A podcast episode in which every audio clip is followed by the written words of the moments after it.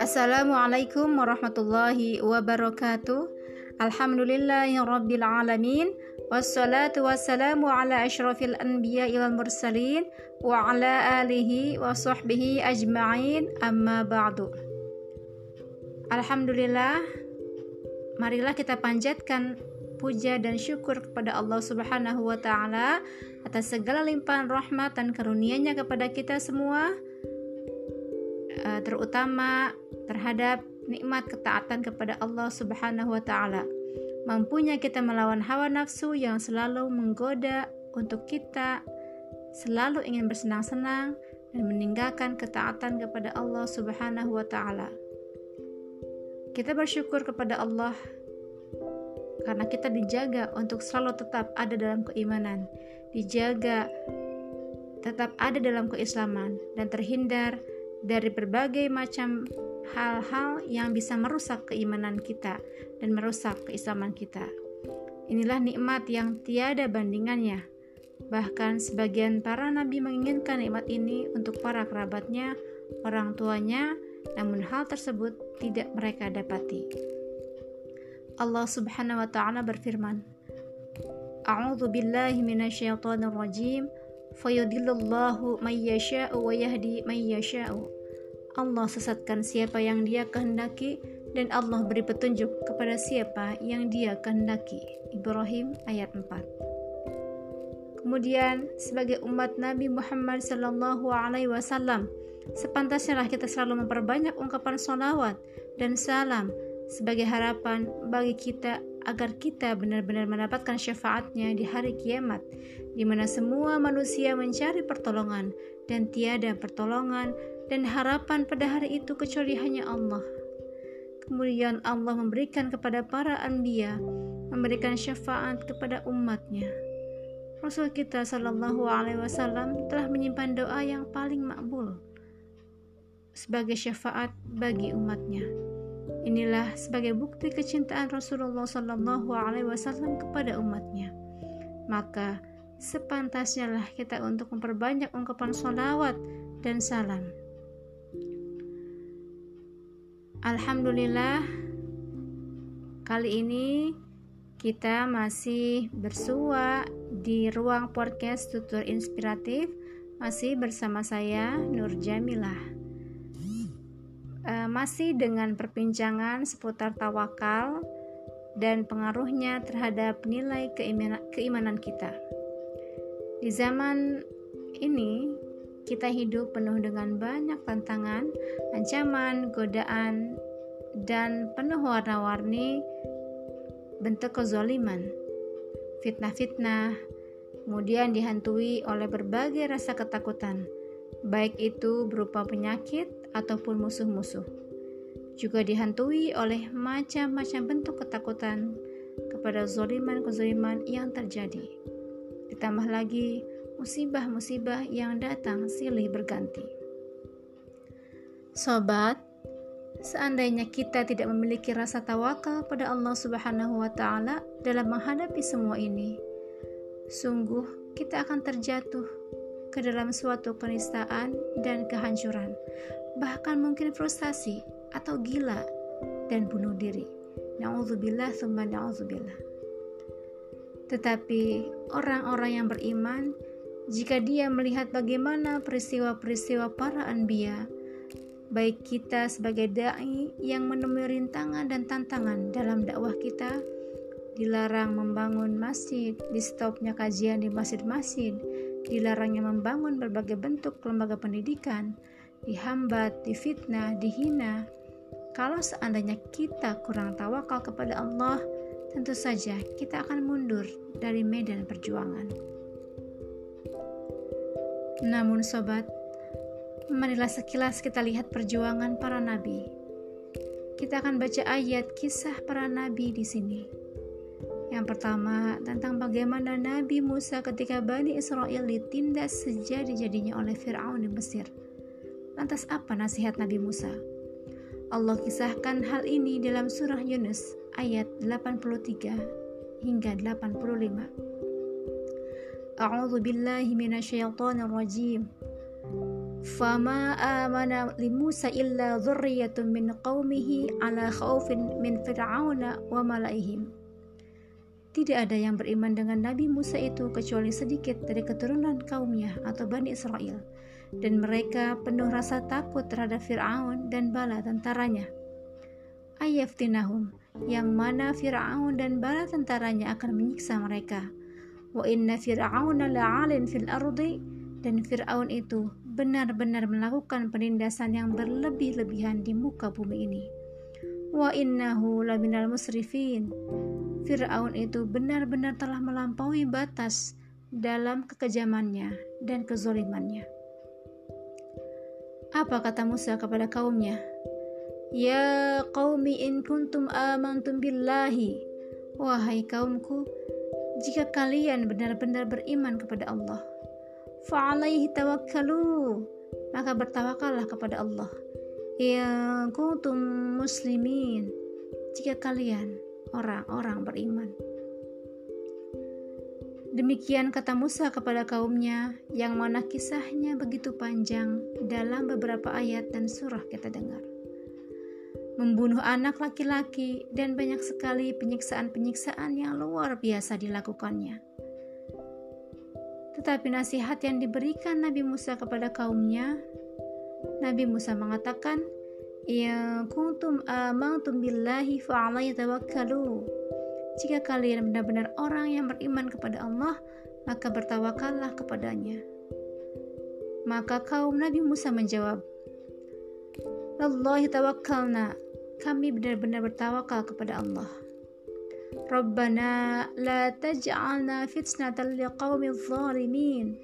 Ya Allah, jangan jadikan kami fitnah bagi orang-orang yang zalim.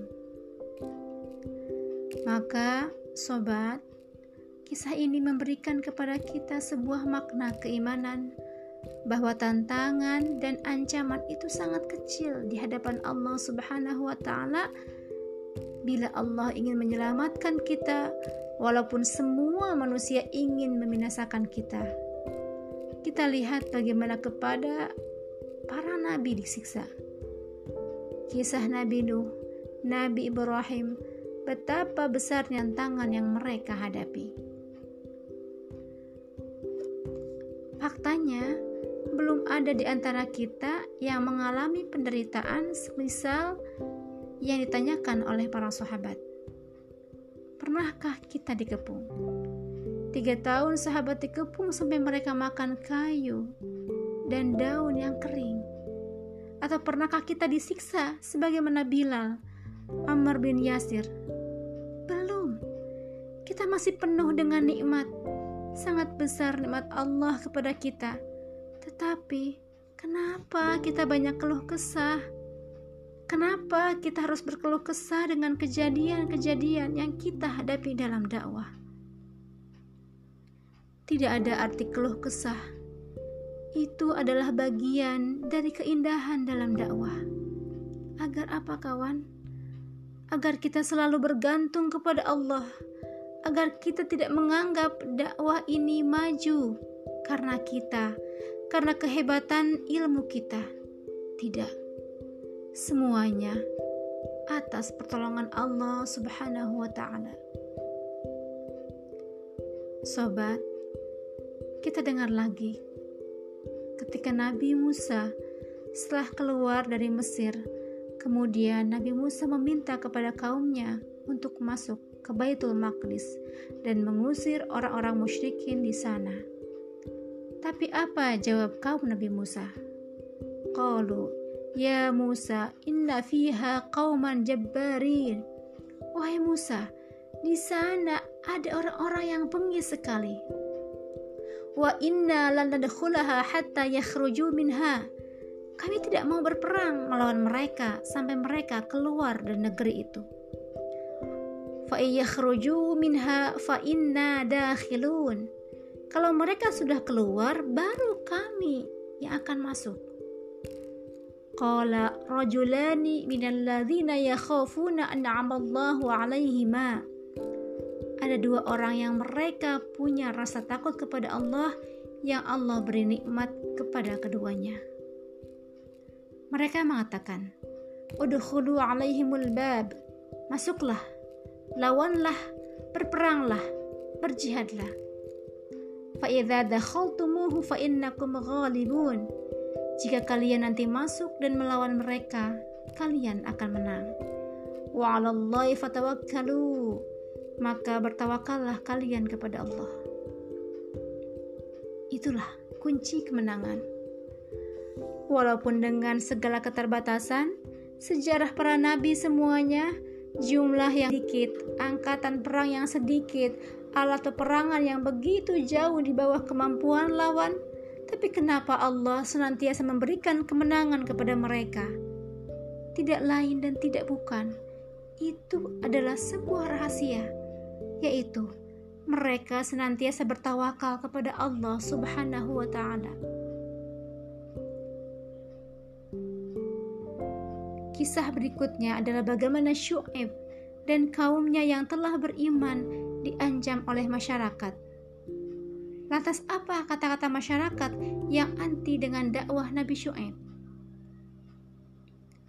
A'udzu billahi minasyaitonir rajim.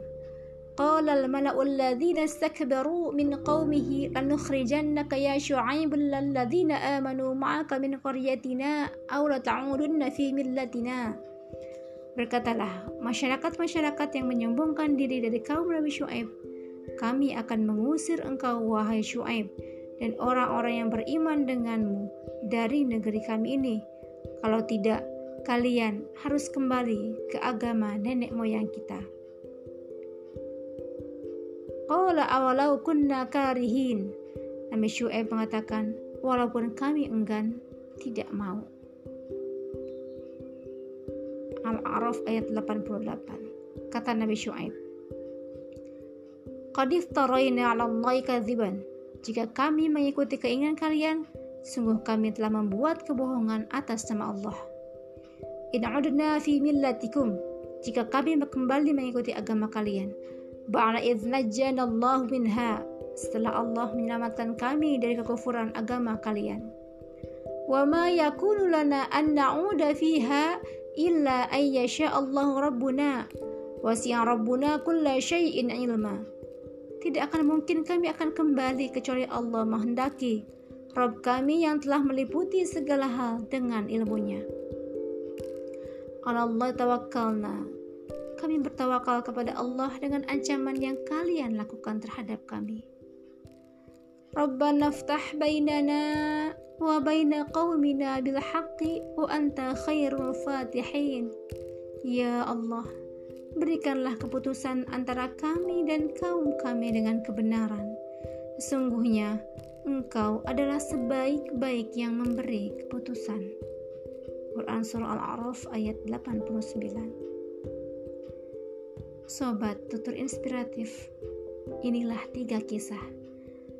Bagaimana ancaman masyarakat yang anti dengan dakwah Nabi Shu'aib mengancam akan diusir kecuali mau ikut kepada kepada agama yang mereka kembali. Tapi Nabi Syuaib tidak gentar. Nabi Syuaib menutup segala ungkapan dengan bantahannya. Allahi tawakkalna. Kami bertawakal kepada Allah.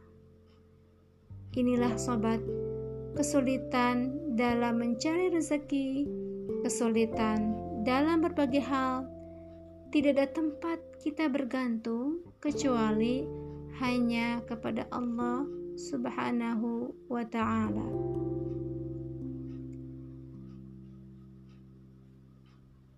Hari ini dunia sedang digembarkan dengan adanya musibah atau pandemi virus corona. Berbagai aktivitas-aktivitas dunia mulai diberhentikan kita melihat bagaimana perjalanan umroh kemudian diberhentikan. Kemudian perusahaan-perusahaan mulai terancam ditutup dan berbagai keresahan lain yang dialami. Lantas, apa solusi dari semua ini? Tidak ada kata, tidak ada daya dan upaya kecuali hanya bertawakal kepada Allah. Bersamaan dengan itu, kita tetap melakukan sebab-sebab yang dapat menyelamatkan kita dari segala hal yang akan membahayakan kita semua.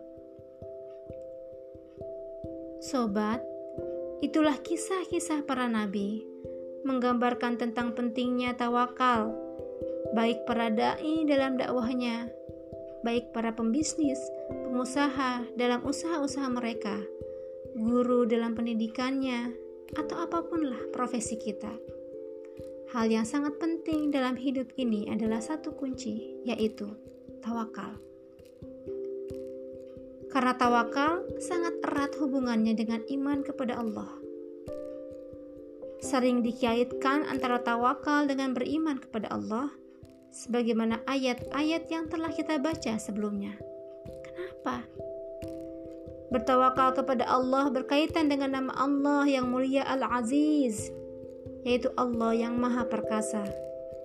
Tidak ada satupun yang dapat menolak keputusan Allah Subhanahu wa Ta'ala.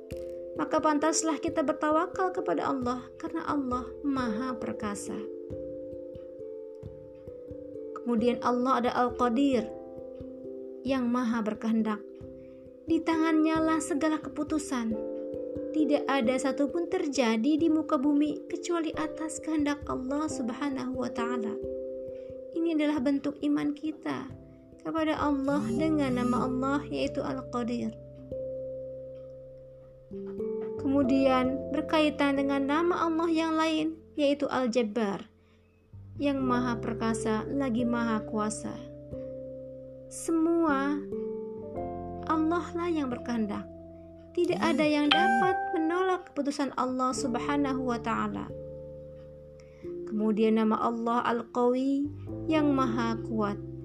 Sungguh tidak ada tempat kita untuk bergantung dan memohon pertolongan kecuali kepada zat yang maha perkasa, maha kuat dan maha besar.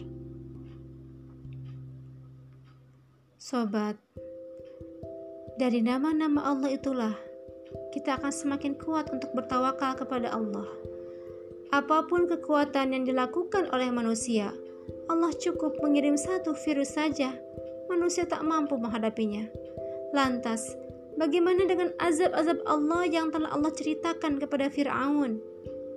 Diazabnya dengan kutu, diazab dengan belalang, atau dengan kodok, dan segala macamnya.